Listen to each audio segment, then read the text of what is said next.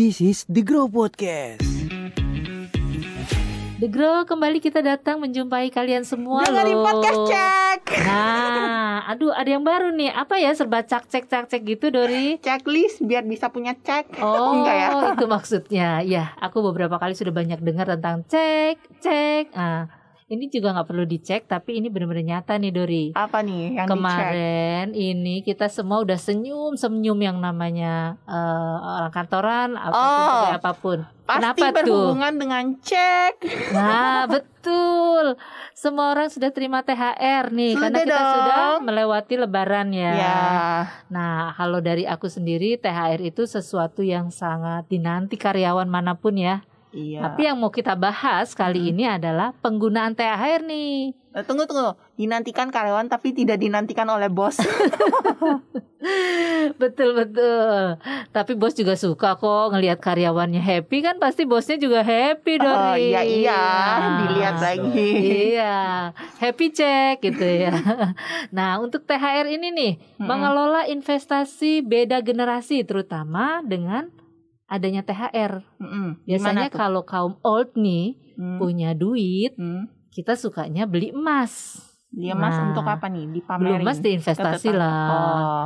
Sekarang kalau mungkin dulu orang senangnya pakai emas yang batangan apa yang dipakai? kalau dulu eh, masih suka perhiasan. Oh. Tapi sekarang kayaknya orang lebih aku bilang sih, angkatan old aku sudah berlari ke LM, logam mulia. Hmm.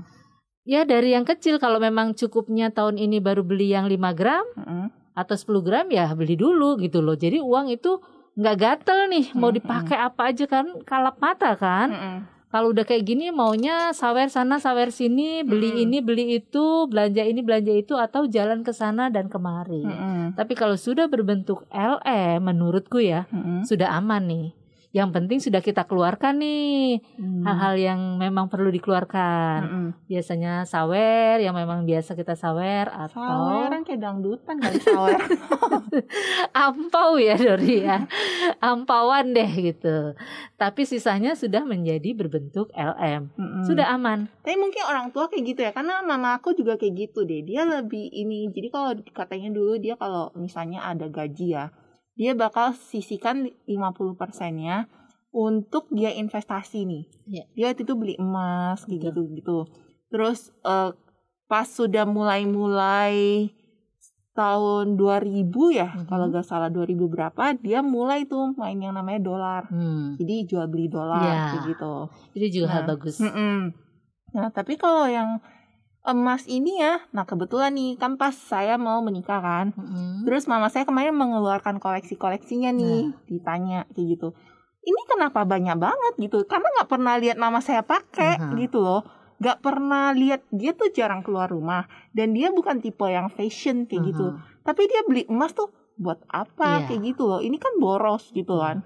Ini Itu kan di zaman old memang eh, waktu itu kita masih orientasinya perhiasan Dori. emang kagak ada bank nah, bukan atau investasi-investasi yang sekarang oh, sudah bukan, ada. Dori. Jadi eh, paradigmanya atau Hmm. cara berpikirnya zaman old itu, kalau kita punya emas itu mudah sekali untuk kita kita ini ya kita lakukan apa pun. Hmm. Butuh bisa langsung cepat jual. Beda kan kalau deposito mungkin butuh beberapa Tapi kan harganya bulan. turun dong. Oh tidak, Oh enggak. emas itu selalu investasi yang moncer kalau menurut aku ya. Hmm. Bahkan eh, Walaupun kemarin udah dijadikan perhiasan.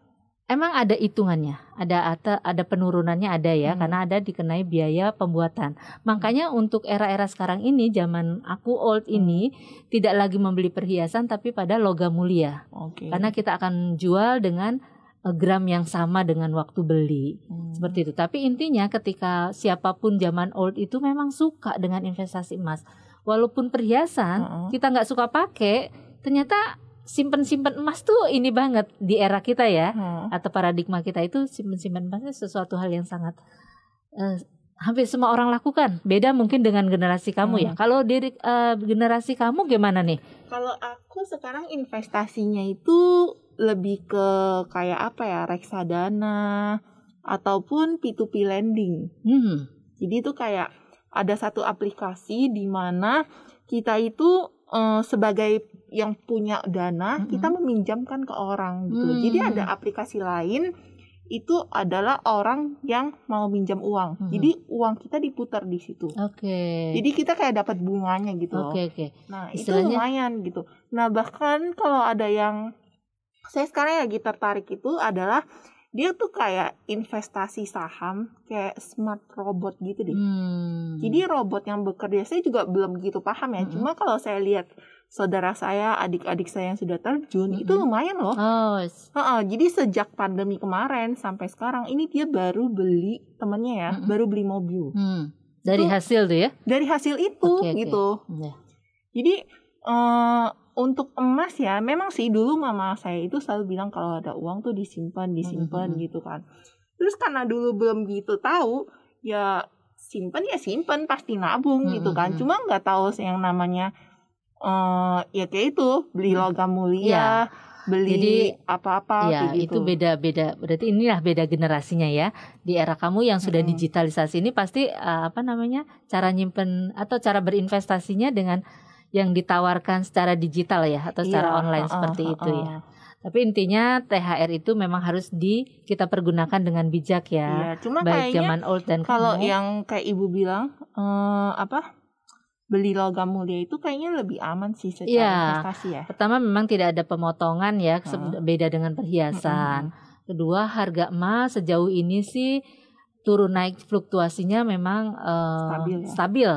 Makanya itu yang paling stabil kalau di Hmm. zaman old tuh menganggap emas adalah sesuatu yang stabil.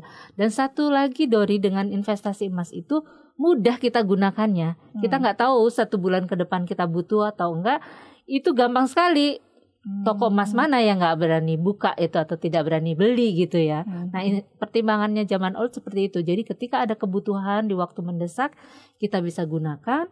Lalu kebutuhannya itu tidak mendesak atau di- sekian tahun lagi Hmm. harganya pun sudah berbeda. Hmm. Nah, Nah, jadi kalau ibu sendiri ngajarin gak ke anak-anak buat anak-anaknya sendiri ya Mm-mm. buat ini? Ya, mulai investasi? kebetulan anakku juga kan di era kamu ya, Mm-mm. mereka juga banyak eh, menerima masukan dari berbagai ini ya untuk investasi itu Mm-mm. seperti apa. Aku sih salah satunya sudah aku mulai tanamkan. Mm-mm. Kalau kalian berinvestasi emas seperti zaman dulu, itu tidak ada ruginya untuk dicoba Mm-mm. karena nilainya memang lebih stabil. Ya, memang dolar juga bisa sih ya untuk saat ini ya ada juga yang mencoba untuk dolar. Tapi emas itu jauh lebih enak karena kalau untuk jangka panjang pun kita simpan, harga itu pasti ada perubahan. Oke. Tuh, jadi memang zaman old dan zaman now tentu saja berbeda ya cara Hmm, mengelola hmm. THR. Tapi intinya bahwa THR sesuatu yang membuat kita semua happy ya Iya, sebagai karyawan. Tapi jangan dilupakan Mm-mm. uang yang kita dapatkan itu kita sisihkan untuk Ya, investasi. sisihkan untuk investasi, untuk kesenangan pribadi juga boleh, Ya. tapi ya ada porsinya masing-masing ya. Tapi ngomong-ngomong soal ini ya, ibu tuh kalau di zaman dulu ada nggak sih kayak misalnya nih sekarang ya, eh, kalau kayak saya, saya tuh misalnya dapat gaji ya, misalnya satu juta, Hmm. 50 persennya itu harus buat tabungan, kayak gitu. Oh iya, kita juga menganut, terutama kaum old lebih ketat lagi Dori. Karena zaman old itu atau kaum old itu kan istilahnya untuk entertain Mm-mm.